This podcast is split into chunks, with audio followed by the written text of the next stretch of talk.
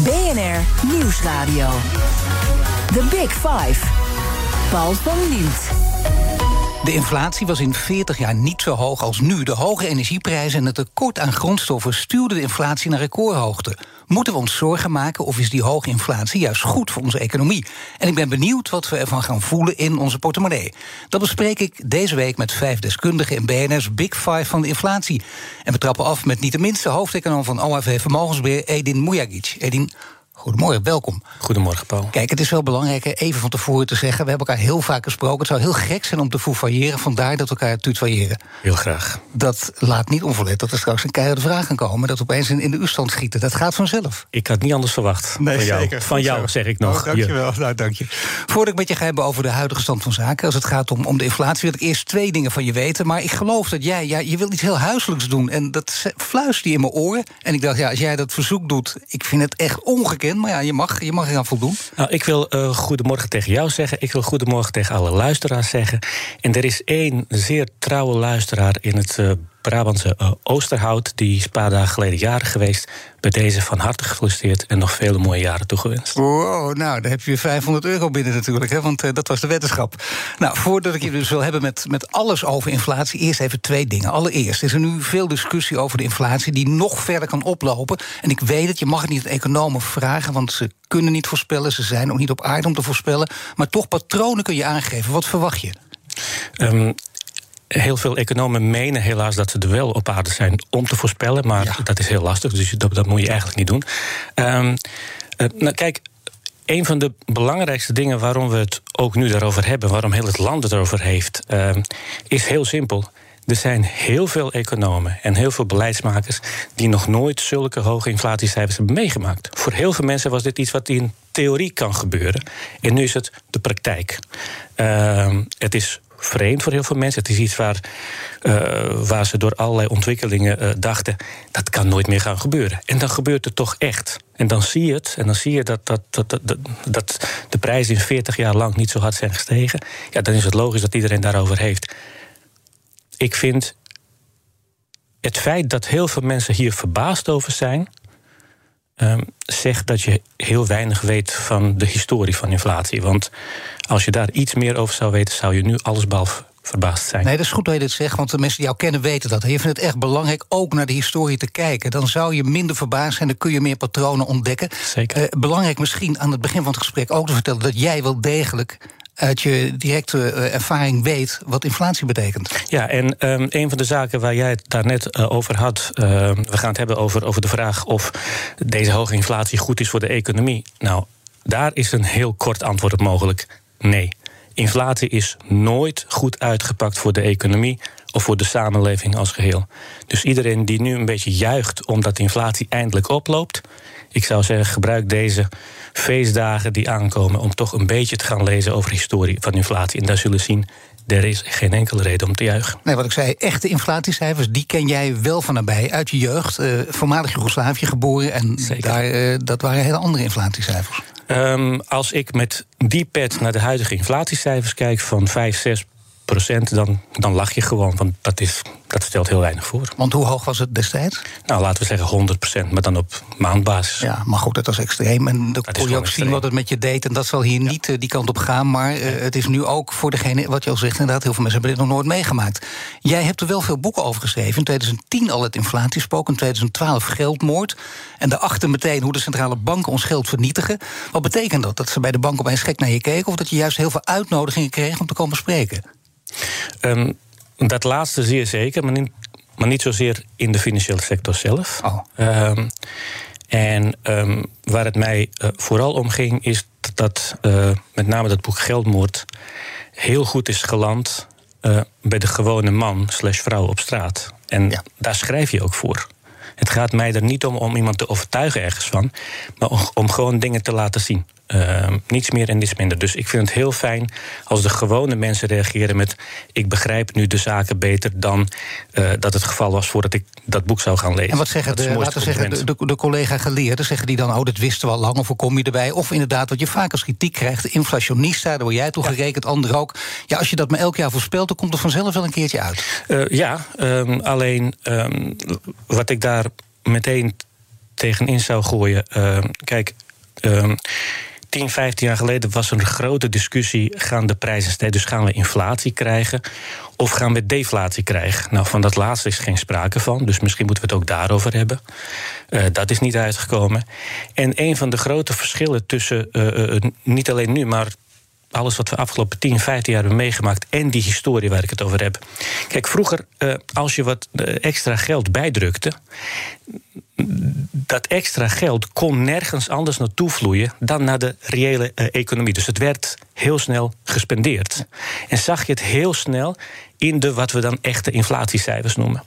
Nou, de, de wereldeconomie uh, uh, is in de afgelopen 30, 40, 50 jaar, zo ingrijpend veranderd. De opkomst van financiële markten in alle vormen daarvan betekent onder andere dat als je heel veel geld bijdrukt, dat het niet meer linea recta naar de reële economie gaat, maar dat het vloeit naar al die andere financiële markten. En dan oogt het op het eerste gezicht dat dat geld, eh, extra geld bijdrukken, hoeveel dat ook mag zijn, en tegenwoordig is het heel veel. Het leidt niet tot hele hoge inflatie. En de conclusie ligt voor de hand, zie je wel, die hebben niks met elkaar te maken. Ja, maar dan moet je dus ook kijken naar de prijzen op financiële markten. En dan kijken naar de huizenprijzen. En dan kijken naar de stand van de lange rentes. En dan kijken naar de aandelenkoersen, et cetera, et cetera. Dat is ook een vorm van die inflatie. Alleen we meten het niet zodanig. Nee, dat is waar. Dus je zegt mensen die zeggen: wacht even, als je het steeds voorspelt, dan betekent ook dat je op een gegeven moment krijg je gelijk. Maar al die andere keren krijg je geen gelijk. Heb je dus eigenlijk verkeerd voorspeld. Maar je zegt dat is niet waar. Dat heb ik wel degelijk gedaan. Maar dan had je er op deze manier die jij net schetste naar moeten kijken. Nou, kijk, het is wel waar dat het niet in de uh, in de zin van uh, inflatiecijfers zoals we daar normaal naar kijken, al die tijd uh, geleid heeft. Um, maar wat ik zeg is, het, dat geld is wel degelijk aan het werk gezet en heeft wel degelijk allerlei prijzen omhoog gestuurd. Alleen het waren heel vaak de prijzen die niet in het inflatiemandje zitten. Maar dat kun je wel degelijk zien als een vorm van verborgen of niet gemeten inflatie. Zeker, nu zie je de prijzen wel in het inflatiemandje. Ja. Uh, voor het eerst sinds 40 jaar, al een paar keer hebben we het erover gehad, is het zo hoog. Ja. Wat zijn de belangrijkste redenen? Veel economen hebben het dan opeens over een perfect storm. Hebben ze daar gelijk in of niet? Nou kijk, wat je nu uh, in ieder geval hebt, uh, het is heel belangrijk om niet te vergeten dat als we het over inflatie hebben, dat is niets anders dan de prijzen van nu vergeleken met die van 12 maanden geleden. Ehm, dus als je twaalf maanden geleden een abnormaal jaar hebt gehad, om wat voor reden dan ook, en dat is het geval vorig jaar geweest, ja. dan vertekent dat het beeld.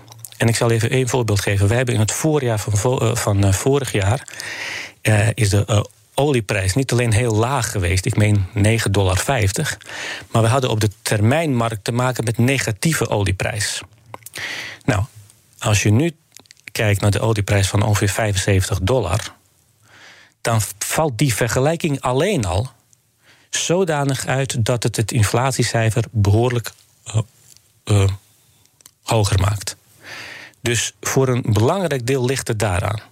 Het zijn eenmalige effecten uh, waar je nu mee te maken hebt. Maar dat klinkt bijna geruststellend in die zin dat je denkt: nou ja, goed, wie weet hoe lang dit uh, coronavirus aanhoudt, het COVID, hoe lang dat doorgaat. Maar stel dat dat, dat houdt een keer op, of het wordt minder, dan gaat inflatie sowieso vanzelf ook de goede kant kijk, op. Op het moment dat je het hebt over vooral eenmalige uh, factoren die in het spel zijn, dat je het hebt over die manier waarop de inflatie. Uh, berekend wordt. Uh, als je het hebt over logistieke problemen na zo'n belabberd jaar als dat vorig jaar is geweest.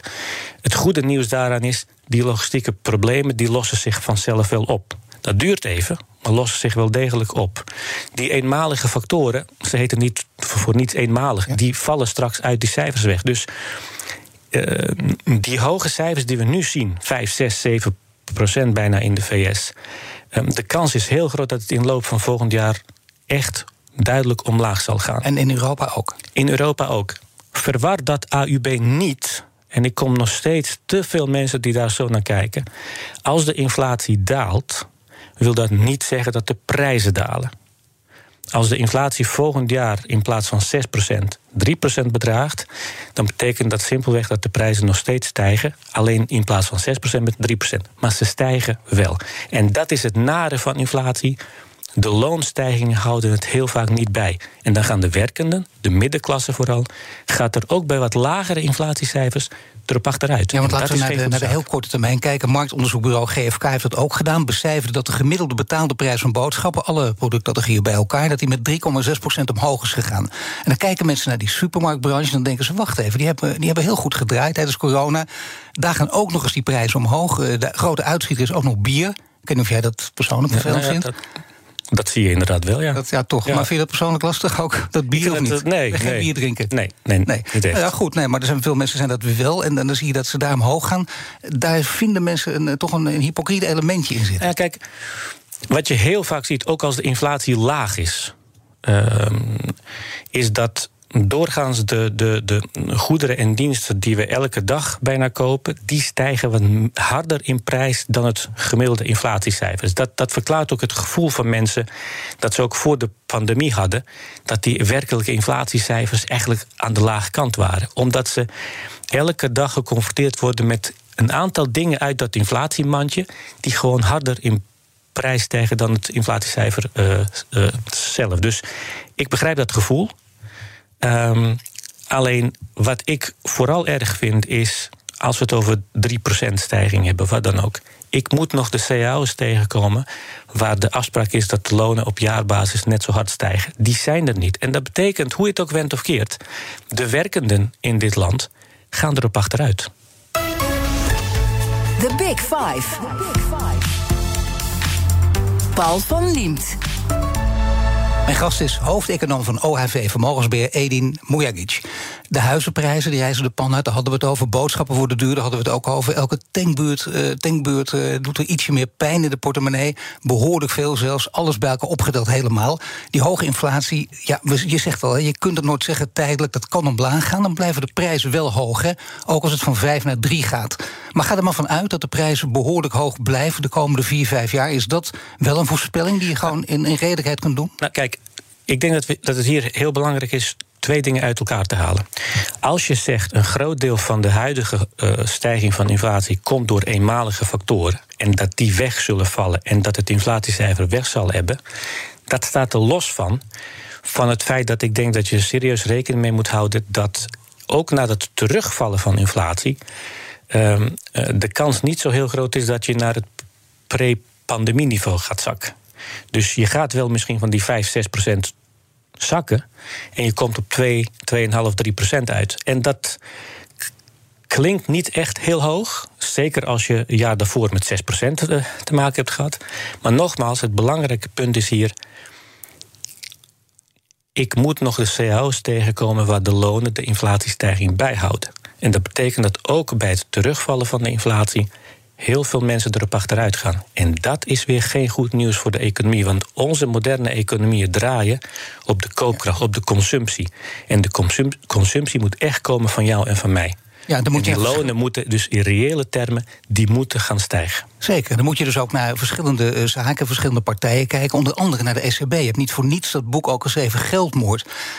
Tuurlijk is het titel heel stevig, net als een kop boven een artikel. Je wil even de aandacht trekken. Maar het boek is ook stevig. Het is een aanklacht, kun je bijna zeggen, tegen de centrale banken, tegen dat beleid. Als je kijkt hoe de ECB het nu doet, als je ook kijkt hoe de Fed in Amerika het nu doet, ja. centrale bank in Amerika.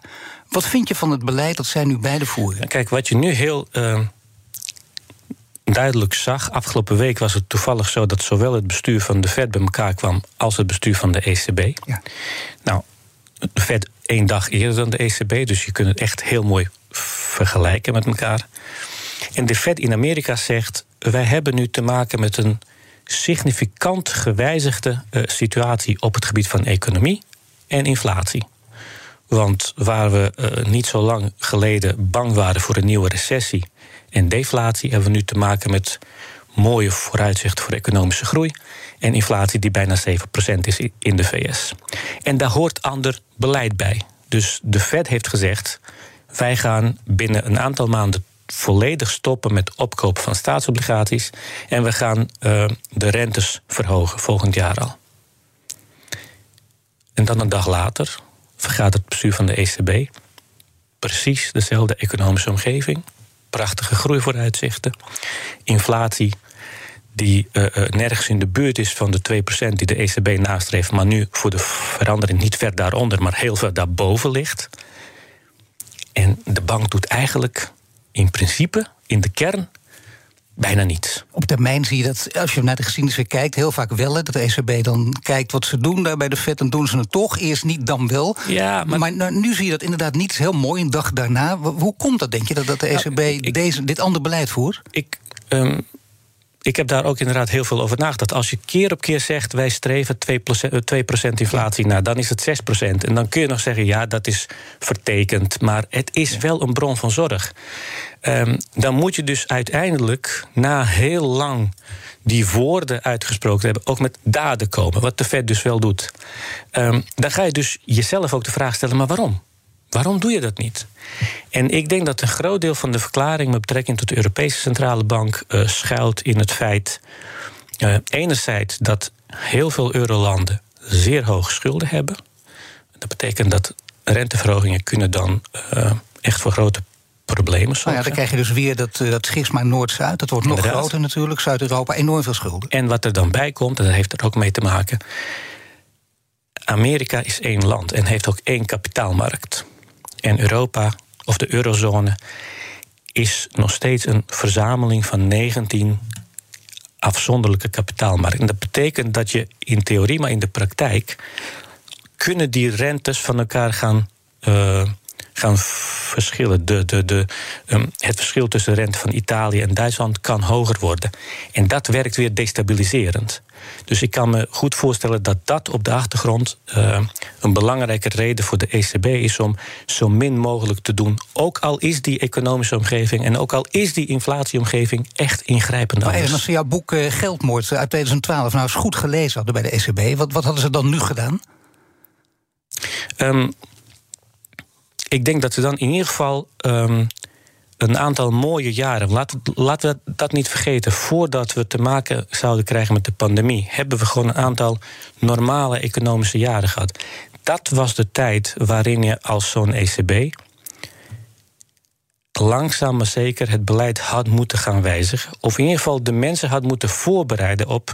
jongens, hou er rekening mee, dit kan niet voor altijd zo blijven. 0% rente langdurig is niet goed. En we kunnen hier nu een heel verhaal gaan ophouden waarom het niet, goed is. Laten we het heel simpel houden. Als het goed beleid zou zijn geweest... waarom hebben we het dan niet altijd gedaan? Waarom, waarom stond die rente voor 2007 niet op 0%? Omdat het geen goed beleid is. Nee, maar ze weten, we hebben eenmaal dit nu gedaan en zo. Mensen zijn gewend aan gratis geld lenen. Het is heel jammer voor de spaarders, maar we houden dit zo lang mogelijk vast. Juist vanwege al die risico's die er zijn. En je durft de andere kant niet op te gaan. Want dat heeft natuurlijk altijd, bij elke beslissing... heb je winnaars en verliezers. En dan moet een goede leider moet de beslissing durven Dat is ook zo. En heel vaak is het zo dat als je eenmaal begint... met wat de ECB afgelopen tien jaar heeft gedaan... namelijk de rente verlagen, et cetera... dan zijn er veel meer winnaars dan mensen die erop achteruit gaan.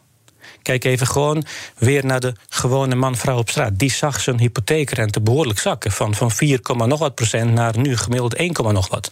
Dat is een grote meevaller.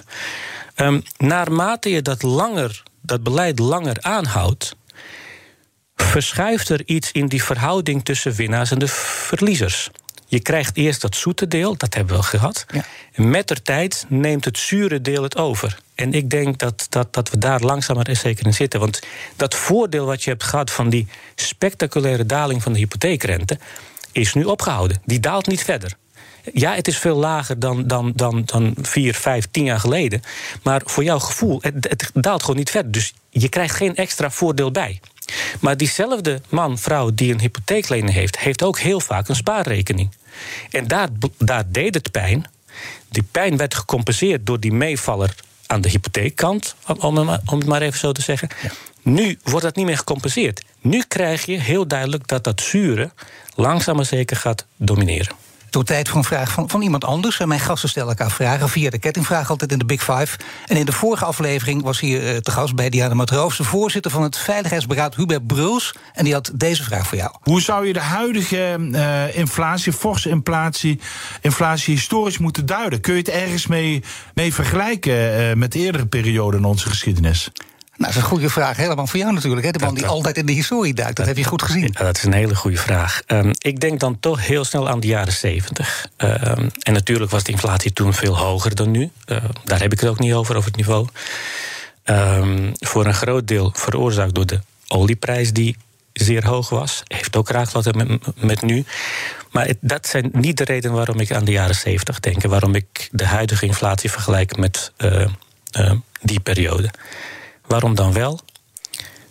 Omdat toen de inflatie begin jaren 70 begon te stijgen, was het verhaal van de beleidsmakers: het is tijdelijk, we hoeven niks te doen.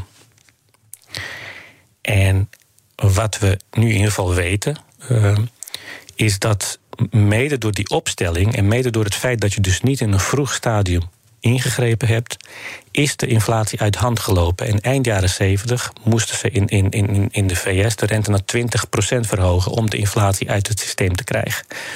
50 jaar later heeft het er wel heel veel van dat de opvolgers van de centrale bankiers van, van de jaren 70 exact hetzelfde fouten maken. Nou, dat is een mooi verhaal. Ik denk dat we daar zo meteen nog even over moeten doorgaan. Want jij hebt ooit gesproken, je hebt een mooi boek over geschreven, Keerbert 1971, wat hierbij aansluit. Je hebt nog een paar andere voorbeelden te geven. En je gaat ook iets vertellen, want dat is echt een belangrijk verhaal natuurlijk, hè, over de maatschappelijke gevolgen. De maatschappelijke gevolgen van inflatie. Niet te onderschatten zijn een paar hele grote, belangrijke. Daar ga ik straks over praten met hoofdeconoom van OAV, vermogensbeheer Edin Mujagic. Blijf luisteren.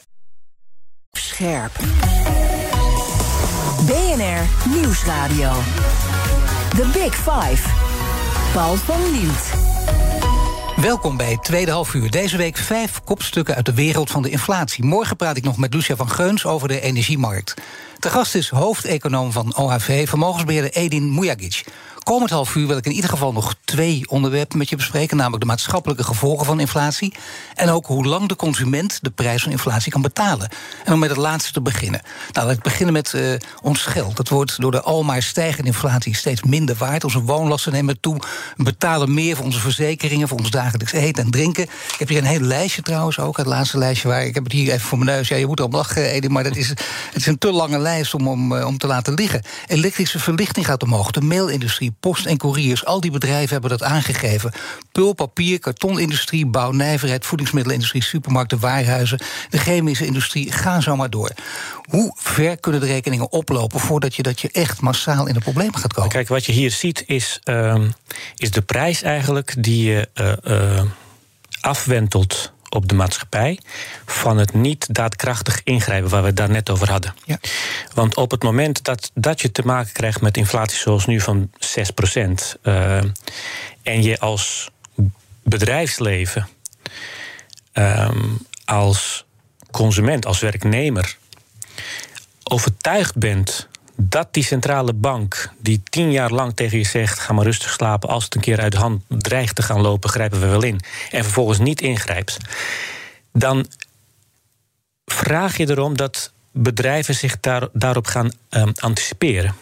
Dus als ze overtuigd zouden zijn dat er inderdaad niks aan de hand zal zijn, dan, dan vang je dit nu even op. Het is niet leuk, maar je vangt het op. Maar je gaat die hogere prijzen niet doorberekenen naar je eindconsument. Omdat je denkt, het is eenmalig, het hoeft niet. En als je dat idee niet hebt, dus als je er rekening mee moet gaan houden dat eh, diegene die daarover gaat, centrale bank, niet daadkrachtig en op tijd ingrijpt en dat dit wel allemaal wat langer gaat duren, dan moet je voor een deel die gestegen kosten die je zelf maakt gaan doorberekenen. En dan kom je in een sfeer van iets wat tijdelijk leek te zijn, mede door het niet uh, afdoende optreden daartegen voor een deel permanent wordt gemaakt. En dan ben je echt heel ver van huis. Ja, en we hebben dit op allerlei manieren eerder meegemaakt. Jij van heel dichtbij, je hebt er niet voor niets eh, een boek aan gewijd. Dat gaat ook over heel andere zaken natuurlijk. Keer 1971, Paul Volker, oud uh, vetvoorzitter... heb je uh, nou ja, vaak mogen spreken. Wat heel bijzonder al is, dan krijg je inzicht in die man... die heeft er ook enorme spijt van gehad dat hij eigenlijk hetzelfde toen deed. Die heeft er heel veel spijt van dat ze uh, in 1971, want daar gaat het boek over, uh, de dollar losgekoppeld hebben van goud. En dat heeft allerlei gevolgen gehad, uh, waaronder aanhoudende inflatie in de ja. 50 jaar daarna. Hij dacht ook dat het gewoon wel goed zou komen. Ja. Hij was ook degene die, uh, die die rente, waar we het daar net over hadden, eind jaren 70 naar 20% moest brengen om inflatie uit het systeem te krijgen. Um, en er is een mooi voorval um, in die tijd. Dus die rente is torenhoog. Hij stort daarmee de Amerikaanse economie in een recessie. Miljoenen mensen die dankzij hem werkloos worden. Mensen die hem gewoon verguizen. Maar de man was een enorme fan van vliegvissen. En in, hij ging op een gegeven moment met hun vriend gingen ze ergens uh, ver weg in, in de VS, ver van alles en iedereen, om gewoon een weekendje rustig te gaan vissen. En omdat het echt rustig moest zijn, dacht hij: ik licht zelfs de Secret Service niet in. Want ik wil, ik wil geen mensen met me mee. Dus zij met z'n tweeën die gaan weg. Uh, en onderweg naar de plek waar ze zouden gaan vissen, stoppen ze in zo'n zo'n zo'n zo'n Amerikaans restaurant naast de weg om te gaan eten. Dan gaan ze daar zitten en ze zijn aan het eten. En Volker zegt: Ik kijk de hele tijd naar de tafel naast ons. Er zitten drie mannen, echt van die ruige houthakkersmannen. Dan moet je je voorstellen, Volker is twee meter lang geweest. Dat is echt een boom van een vent. Ja. Hij zegt, ik ben nog nooit in mijn leven zo bang geweest als toen. Want een van die ruige mannen, die stond op. En die zat al de hele tijd, zegt hij, te kijken naar ons tafeltje. En na een minuut of 10, 15 stond hij gewoon op en begon naar ons toe te lopen. Ik zei, nou, in the middle of nowhere, geen Secret Service bij me. Wat gaat dit opleveren? Die man loopt naar Volker toe. Rijkt in zijn binnenzak. En haalt daar een bankbiljet van Amerikaanse dollar eruit. Zet hem voor Volker en zegt hij: Zou je daar een handtekening op, op willen zetten? Want dankzij jou is dit nog iets waard. Ja. En dat zegt eigenlijk uh, meer dan één ding. Eén, wat voor iemand Volker was. Het ging hem echt om lange termijn, waardebehoud van het geld. Het zegt ook dat uiteindelijk, hoe um, verguisd hij door miljoenen Amerikanen wel niet is geweest, omdat ze in die tijd op korte termijn ontslagen werden. Op termijn zagen ze ook in, hij heeft het goed gedaan voor ons op middellange termijn en langere termijn. Ik heb het vermoeden dat als de huidige uh, uh, voorzitters en de presidenten van de centrale banken in een soortgelijke situatie zouden zijn, die worden niet gevraagd om hun handtekening. Uh, Nee, kijk even naar de situatie in Europa. Ik kan me niet voorstellen, Christine Lagarde sowieso nee. niet dat hij gaat vliegvissen... maar dan nog dat dit gebeurt. Nee, inderdaad, nee, dat is een hele andere situatie. Omdat je dus nogmaals, ook bij die hoge inflatie niks doet. Terwijl je, dat maakt het nog alleen maar erger... terwijl je afgelopen tien jaar keer op keer hebt gezegd... als het uit de hand dreigt te lopen, dan ben ik er. En dan zet, als je dat dus niet doet, dan zet je het meest waardevolle wat een centrale bank heeft op het spel. En dat is niet het goud wat ze in de kluis hebben. Het vertrouwen in jou als instelling. Ja, natuurlijk, dat hebben ze voortdurend gezegd. Uh, vertrouw op ons, want dan komt het goed. En we zien als het niet goed gaat dat, dat we niet op ze kunnen vertrouwen. En dan krijg je inderdaad het verhaal wat je vertelde. En dat is een gevaarlijk spel, Paul. Een gevaarlijk spel, want ja. Uh, nou ja, een gevaarlijk spel, waar, waartoe kan het leiden dan? Nou, uh, het kan ertoe leiden, en dat zie je nu langzaam maar zeker... waar we daar net over hadden, dat bedrijven denken... ja, ik kan er niet meer op vertrouwen dat jij als centrale bank... deze hoge inflatie de kop indrukt... Dus moet ik mijn prijzen gaan aanpassen, anders gaat mijn winst eraan. Het leidt ertoe dat werknemers zeggen: Ik heb er geen vertrouwen in jou dat jij die inflatie de kop indrukt.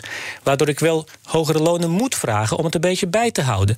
En dan gaat dat wat tijdelijk begon, gaat permanent worden. Dus je krijgt een loonprijsspiraal en voortdurend over en ik, ik, ik, Een van de dingen die ik, waar ik echt flabbergasted van, van, van ben, uh, is als ik van meer dan één bestuurslid van de ECB hoor zeggen: ja, ja de inflatie is, is nu hoog. Wij maken ons eigenlijk daar geen zorgen over, zolang we het niet zien in de stijgende lonen. Ik denk, maar als je het ziet in de stijgende lonen, dan ben je dus te laat. Dan zit het er al permanent in. Ja. Het hele idee, en daarmee zijn generaties studenten, waaronder ik, en waaronder mensen die daar nu over gaan bij de centrale bank opgeleid, je moet het voor zijn. Voorkomen is echt beter dan genezen. Waar komt die angst vandaan? Want dat flabbergasted, daar heb je volkomen gelijk in. Dat is heel gek. Juist omdat ze ook die opleiding gehad hebben... dat ze de geschiedenis kennen, als het goed is. Ja, zeker. Ja, maar hoe kan dat dan? Waarom zijn ze zo bang? Nou, uh, omdat je dus uh, uh, blijkbaar waarde hecht aan andere dingen. En dat andere dingen zijn die hoge schulden. Um, alleen dit... kijk, we hebben ooit gezegd... we maken centrale bankiers onafhankelijk. Als je aangesteld wordt in het bestuur van de ECB, dan word je voor acht jaar aangesteld. En niemand kan jou ontslaan gedurende die acht jaar. En de reden waarom we het toen hebben afgesproken is precies om die mensen te beschermen als ze ook eens een keer impopulaire maatregelen moeten nemen. En een centrale bankier moet af en toe ook impopulaire maatregelen nemen op de korte termijn. Maar het gaat om die middellange termijn. Wat Volker dus wel heel duidelijk voor ogen had. En om ze in, in staat te stellen om impopulaire maatregelen te nemen waar de politiek meestal uh, niet mee eens is. Ze te beschermen, dat ze niet ontslagen kunnen worden, hebben we gezegd: Nou, we maken jou onafhankelijk. Je kunt niet ontslagen worden. Zou jouw voorstel doen uh, om een einde te maken aan die, die acht jaar termijn, dat je niet ontslagen kan worden? Om er iets meer druk nou, op de ketel te zetten? Nou ja, kijk, in nee, principe. dat een goed idee, vind in, in principe is dat goed, alleen het werkt nu niet. Want je kunt die mensen nu voor 50 jaar aanstellen. Um, zij gebruiken die bescherming niet om beleid te gaan voeren wat op middellange en langere termijn goed is voor de en wat samenleving. je doet, je laat er dus een andere over. Bijvoorbeeld in Nederland, ik citeer even, kort geleden lanceerden werkgeversorganisaties eh, ABVN, MKB Nederland en VNO-NCW met z'n drieën. Die lanceerden het plan om de lonen te laten meeademen, zoals zij dat noemden, met de economie. Een van de zaken was op inzet in de CDO-onderhandelingen voor het komend jaar. Vind je dat dan de oplossing? Of zeg je dat helpt helemaal niets? Dat krijg je van het warrige, slechte ECB-beleid. Dan komen ze met dit soort dingen. Ja, maar kijk, dit is alleen al het feit dat we in een fase zijn gekomen dat hierover gesproken wordt, uh, vind ik heel erg. Ja, het is maatwerk en maatwerk is altijd goed. Um, maar je, er wordt hierover gesproken omdat dat vertrouwen in de ECB aan het wegvallen is. Als men het vertrouwen zou hebben dat de ECB de inflatie daadwerkelijk laag zou houden, ook als dat betekent dat je af en toe impopulaire maatregelen moet nemen, dan zouden we deze discussie niet hebben. Dan zou niemand rekening houden met misschien te hoge inflatie in de toekomst en zouden die lonen zich niet hoeven aan te passen. Het enige wat, wat blijft spelen bij de ECB is natuurlijk altijd: we hebben veel meer op ons bord en zo. Wij snappen dit. Stel dat ze dit allemaal horen en ze luisteren en zeggen: en je hebt helemaal gelijk, dat vinden we ook. We hebben dezelfde tijd als jij gestudeerd, we begrijpen dit. Maar er zijn andere dingen, onder andere waar we het over hadden. Uh, de gratis uh, rente, waar we ongeveer verslagen van zijn geraakt, bijvoorbeeld. Kijk eens wat voor problemen het gaat opleveren als die rente omhoog gaat als we hier ander beleid op zouden zetten. Al die redenen om, om dus niet het goede te doen. Ja, maar um, laten we één ding niet vergeten. Uh, het feit dat, dat die langdurig lage rente problemen oplevert en het jou nu uh, zeer lastig maakt de rente te verhogen, komt niet van Mars vallen. Dat is het gevolg van je eigen beleid, jarenlang. Wat ik, wat ik hiervoor al zei. Voor de corona hebben we echt een paar goede jaren gehad waarin je het beleid had moeten wijzigen. Dat heb je nagelaten. Daar betaal je niet alleen je als ECB daar de prijs voor, daar betaalt de samenleving de prijs voor. En dan kun je terecht de vraag gaan stellen: hebben we daar de juiste mensen zitten? En de juiste mensen betekent ook mevrouw Lagarde, die, die opgegroeid is bij bijvoorbeeld nu misschien wel verouderde instellingen als het IMF, zit er niet op de goede plek? Ik vind als je kijkt naar het beleid wat er gevoerd wordt en wat er beloofd wordt van het beleid wat we gaan voeren de komende jaren, dan zou mijn conclusie, als ik een soort ja-gesprek zou hebben met haar, zou ik zeggen. Heel veel dank voor wat je hebt gedaan, maar we gaan op zoek naar iemand anders. Nou, gelukkig heeft ze dan niet uh, voor haar dan het uh, evaluatiegesprek met jou, Edin. Maar wie weet wat er moet gebeuren. Ah, zometeen praat ik verder met de hoofdeconoom van OAV Vermogensbeheer, Edin uh, Mouyagis, die steeds meer op dreef raakt, merken we. Maar we gaan eerst naar Ivan Verrips. Want uh, Ivan is heel lang wakker en die, die, ik weet het, hè, die kan heel lang wakker blijven. Zeker straks om 11 uur, dan begint BNR Breek. Zeker. Wat is het breekijzer, Ivan? Hoe is het met jouw gemoed, Paul? Mijn gemoed? Ja? Nou, de, ja, gemiddeld. Kan wel eens beter misschien. Ja, ja. Nieuwe lockdown. Het voelt toch als een soort uh, grauwe sluier die over het uh, land hangt. Alles dicht. Donkere tijd voor velen. En dat terwijl het toch überhaupt al een donkere tijd is. Ja, om moedeloos van te worden. Rutte zei vrij, uh, zaterdag ook. Ja, misschien wel het zwaarste moment na die eerste tv-toespraak voor hem. In maart was dat. En dan hangt ook nog een beetje de vraag boven de markt. Hoe nodig is die lockdown eigenlijk? Want er is heel veel nog onzeker. Ja, we weten wel iets over verspreiding van, dat, van die Omicron-variant. Maar ja, uh, hoe ziekmakend is die eigenlijk? Er zijn zorgen om ziekenhuisopnames. Is het nodig om het hele land op slot te gooien? Ons breekijzer vandaag is heel simpel. Ik heb begrip voor deze lockdown. Kan jij het begrijpen dat het kabinet nu het zekere voor het onzekere moet nemen? Of vind je deze lockdown totaal disproportioneel? En met welk gemoed begin jij deze werkweek? Vier weken lang lockdown. Het wordt een beetje nationale uithuilradio, denk ik. Ja, zeker. Nou, ja, ik denk dat het heel druk gaat worden. De lijnen worden rood gloeiend. Dus ze kunnen wel bellen. Hè? Mag bellen ik het nummer noemen? Zeker. 020 weet je dat je hoofd? 468 man. Al goed onthouden zeg. Ja. Niet vergeten. Nee, ik merk het. 020 468 4 keer 0 bellen vanaf 11 uur. Dat is over 14 minuutjes. Ik heb begrip voor deze lockdown. Of je het nou eens bent of oneens, bellen en luisteren. En dan uh, nou, gaan we er het beste van maken. Ja, zeker. Heel interessant natuurlijk allemaal. Zometeen luisteren en meedoen met Ivan Verrips in Breekijzer. BNR Nieuwsradio. The Big Five. Paul van Liemt. Je luistert naar BNS Big Five van de inflatie. Later deze week praat ik nog met Peter Hen van Mulligen van het CBS over de inflatie. Mijn gast vandaag is hoofdeconoom van OHV Vermogensbeheer, Edin Mujagic. Ja, Edin, uh, ik, ik, hoor net, hè, Christine Lagarde van de ECB, de president, die zou bij jou niet door een evaluatiegesprek komen. En dat is niet alleen maar een grap, serieus bedoeld. Je geeft ook aan, uh, ze is niet de goede persoon op de, op de goede plaats. Zeker niet in deze tijd. ECB heeft ook echt iets laten liggen in de goede jaren. Dat is ook duidelijk. We zitten met enorme gevolgen daarvan ook maatschappelijke gevolgen. Hè? Economisch ook maatschappelijke gevolgen. Wat, zou, wat zouden de gevolgen kunnen zijn? En nu moet je altijd oppassen als je dit soort dingen gaat bespreken. Want ja, mensen zeggen, je moet uh, niet mensen angst aanjagen. Je moet niet zomaar wat gaan roepen. Maar jij kijkt altijd naar de geschiedenis. En wat denk jij met het oog op de geschiedenis... wat er allemaal kan gaan komen? Kijk, we hebben heel vaak de neiging om, als het over inflatie hebben of over economie in het algemeen, dat we dat als een iets afzonderlijk zien van de rest van de maatschappij. Wat het natuurlijk niet is. Alles wat zich afspeelt op deze terreinen eh, is onderdeel van die maatschappij. Uh, als we dan even over het feit dat de inflatie aan de hoge kant is hebben, uh, waar dat toe kan leiden is, kijk, als je dus als werkende nu merkt dat jouw loon wel stijgt, maar je er in feite erop achteruit gaat, um, dan, dan, dan heeft het allerlei gevolgen. Ik kan het nog meer uh, gevolgen hebben. Eén ligt ontzettend voor de hand, waar, waar ook heel veel over gesproken wordt. De ongelijkheid neemt toe.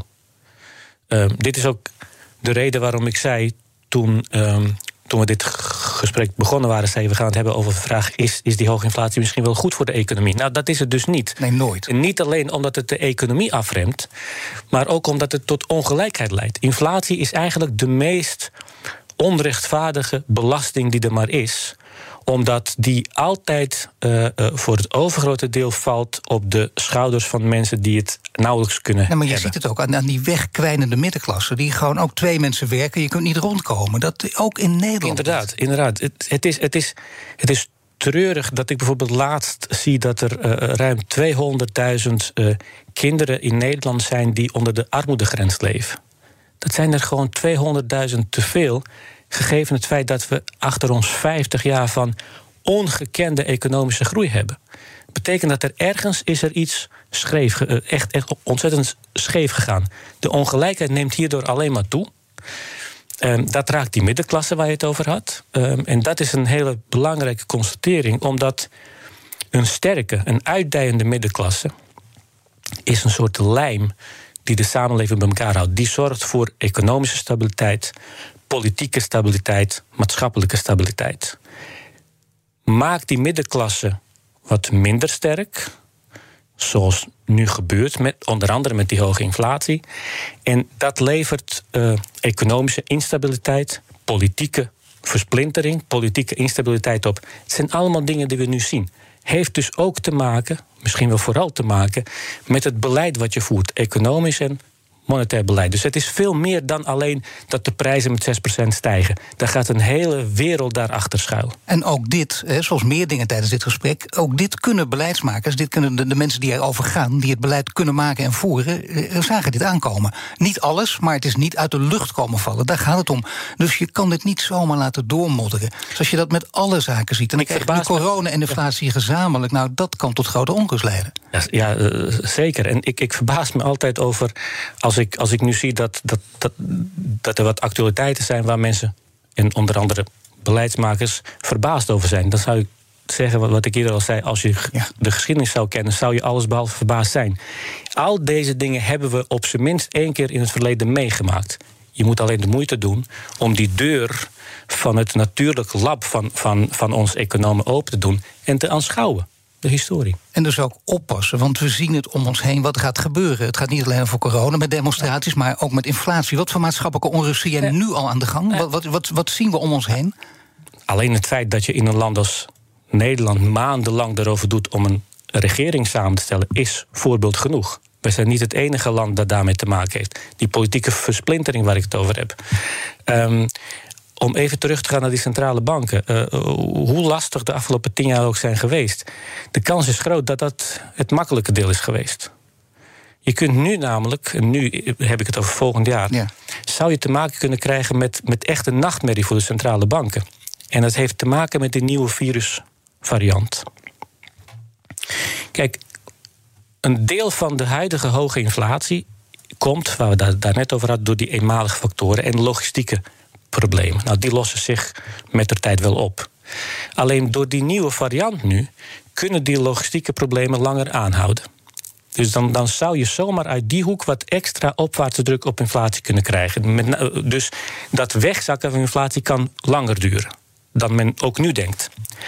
Tegelijkertijd kan die nieuwe variant, we weten daar nog steeds niet heel veel over, maar kan ehm, eh, via verstoring van, uh, van die logistieke ketenen, uh, via lockdowns waar we nu in zitten, kan ervoor zorgen dat de economische groei omlaag wordt gedrukt. En dan krijg je dus te maken met een situatie waarin de economische ontwikkeling van jou als centrale bank vraagt om een ruimer beleid, dus nog meer geld bijdrukken.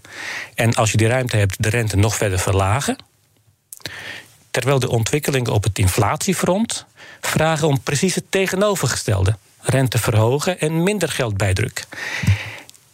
Dat is lastig kiezen, want je hebt maar één wapen voor twee doelen. En die doelen lopen uit elkaar. Het Ehm, enige dus- wat de ECB doet is uh, althans uh, ter eigen verdediging steeds roepen... maar de politiek doet niets, wij moeten het voor ze oplossen. Daar heeft de bank ook gelijk in. Alleen die bank is, heeft, uh, hebben we ooit bij de oprichting de taak meegegeven... om jezelf te focussen op inflatie. Um, je kunt het daarmee eens zijn of niet eens zijn. Vooralsnog is dat nog steeds de geldende regel. Het verdrag van Maastricht is niet aangepast. Gaat over die inflatie en daar, daar ligt jouw taak. Nou, een, enkele jaren geleden waren heel veel Europese landen bezig met het bezuinigen toen het economisch minder ging. Dus in die omgeving kun je de ECB nog begrijpen van ja, wij zien die overheden niks doen. Sterker nog, de economie afremmen. Dus wij moeten, uh, uh, moeten dat compenseren. Daar is nu geen sprake van. We hebben nu. Uh, niemand heeft het meer over begrotingsregels. Zelfs een land als Nederland zegt: wij gaan vier jaar lang rood staan. Nu is de kans. En dat excuus van de ECB. Dat geld gaat nu niet op. Het geldt niet meer. De ECB moet één ding zeker niet zijn, namelijk katalysator van maatschappelijke onrust. Dat was het allerergste. Mijn gasten, zoals je weet, stellen elkaar vragen via de kettingvraag. Jij mag een vraag stellen aan de volgende gast. Morgen, dat is Lucia van Geuns. Wat zou je haar willen vragen? Nou, we hebben het nu heel lang over, uh, als we het over inflatie hebben, uh, dat het allemaal tijdelijk zou zijn. Uh, we weten dat het voor een groot deel uit de olieprijs komt. Dus ik zou aan haar willen vragen, hoe moeilijk het ook is, om te proberen aan te geven hoe uh, tijdelijk is die snelle stijging van de olieprijs. Met andere woorden, uh, in hoeverre spelen ook daar eenmalige factoren in, net zoals als we het over uh, de inflatie hebben. Dan mag ik jou nog één dingetje vragen. Alsjeblieft, echt een kort antwoord gezien de tijd. Maar. Uh, je ziet ook heel veel, ziet ook heel veel mensen die het nu hebben over de Weimar-republiek. En zeggen, kijk maar de geschiedenis. En dat zijn toch ook weer gevaarlijke uitingen, of niet? Ik bedoel, je kunt naar de geschiedenis kijken, maar dat, dan overdrijf je ook aan 30 kanten. Weimar-republiek en de hyperinflatie die, uh, die daar uh, heeft meegespeeld, is echt van een hele andere orde dan wat we nu meemaken. Totaal andere orde. Totaal Daarmee doe je niets af van wat er nu aan de hand is. En dat het ook echt een onrustige periode is. Zorgelijk zelfs. Maar die vergelijking alsjeblieft niet. En mag ik nog als afsluiting toch één Heel ding meegeven? We gaan naar de feestdagen toe. Um, um, onthoud één ding. Hoe, hoe, hoe somber de situatie nu ook mag lijken. Um, het donkerste uur komt altijd voor de voor de dageraad. Dus we gaan uiteindelijk de goede kant op. Nou, geweldig. Ik had het beloofd ook bij Bas vanochtend inderdaad een lichtpuntje. Dankjewel. Alle afleveringen van BNR's Big Five zijn natuurlijk terug te luisteren. Je vindt de podcast in de BNR-app en op bnr.nl. Zometeen Iwan Verrips met BNR Breekt. Dag. Bij BNR ben je altijd als eerste op de hoogte van het laatste nieuws. Luister dagelijks live via internet. Jelle Maasbach. Wesley Weert. We zijn er voor je met het leukste, opvallendste, maar natuurlijk ook het belangrijkste nieuws. Tijdens de presentatie van die halfjaarcijfers toen die beurskoers in elkaar kukkelde. BNR Beurs. Voor de slimme belegger. Blijf scherp en mis niets.